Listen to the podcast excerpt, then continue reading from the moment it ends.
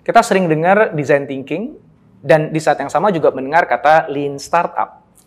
Nah, kedua-duanya sering kali digunakan untuk kita bisa membangun bisnis baru atau produk baru atau layanan baru. Jadi pertanyaan sebenarnya bedanya apa sih di antara kedua itu dan kapan kita harus gunakan design thinking, kapan kita harus gunakan lean startup. Nah, yuk kita temukan jawabannya di video ini.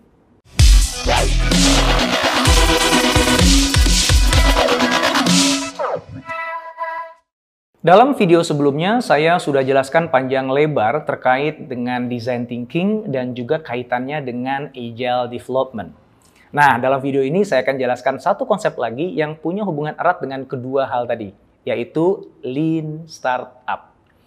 Nah, pertama-tama saya ingin menekankan dulu nih bahwa adanya kata startup di situ bukan berarti metode ini hanya khusus untuk perusahaan startup loh ya. Tapi ini sebenarnya maksud startup yang lebih umum lah. Yaitu apa? Upaya inovasi yang masih melibatkan banyak ketidakpastian. Nah, jadi itulah makna startupnya. Maka ini relevan sekali untuk perusahaan-perusahaan besar sekalipun. Oke, uh, sederhananya nih metode lean startup ini digunakan untuk mengembangkan solusi inovasi dengan cepat melalui pendekatan lean dan eksperimentasi. Nah, yang dimaksud dengan lean atau ramping di sini ialah bahwa solusi yang dihasilkan sebaiknya seramping mungkin dalam arti hanya mengandung hal-hal yang esensial bagi customer.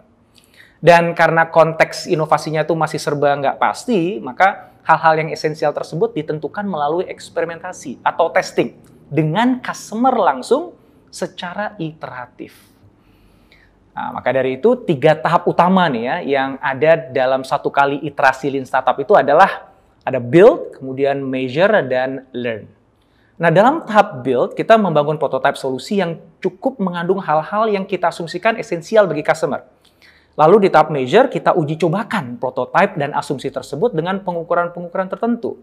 Dan di tahap learn, kita pelajari hasil pengukuran untuk menyimpulkan asumsi-asumsi mana yang benar dan mana yang salah sebagai pembelajaran yang tervalidasi. Nah, pembelajaran ini akan dimanfaatkan untuk perbaikan prototipe saat build di iterasi berikutnya.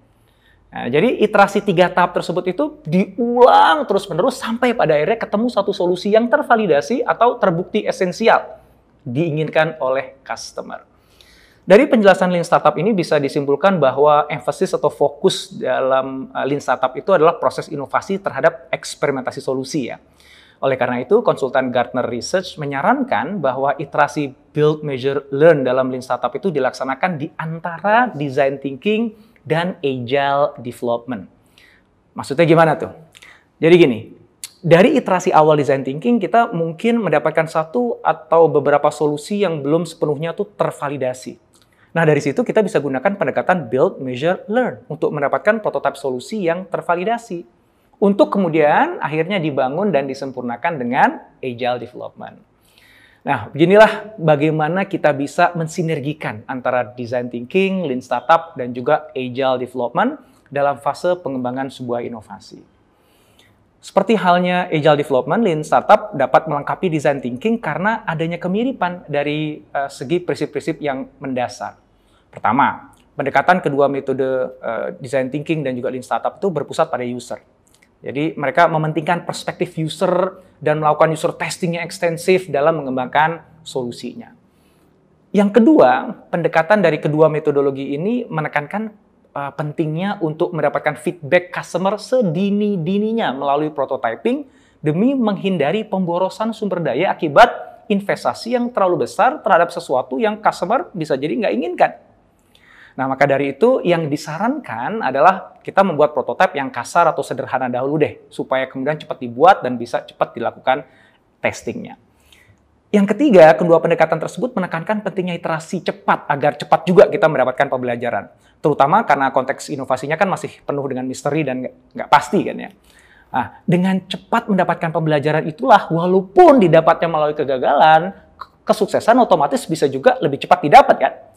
Nah, karena kesamaan-kesamaan prinsip inilah, maka Lean Startup sering digunakan bersamaan dengan Design Thinking untuk membuat proses inovasi jadi lebih optimal, terutama dalam aspek eksperimentasi dan pengembangan solusinya.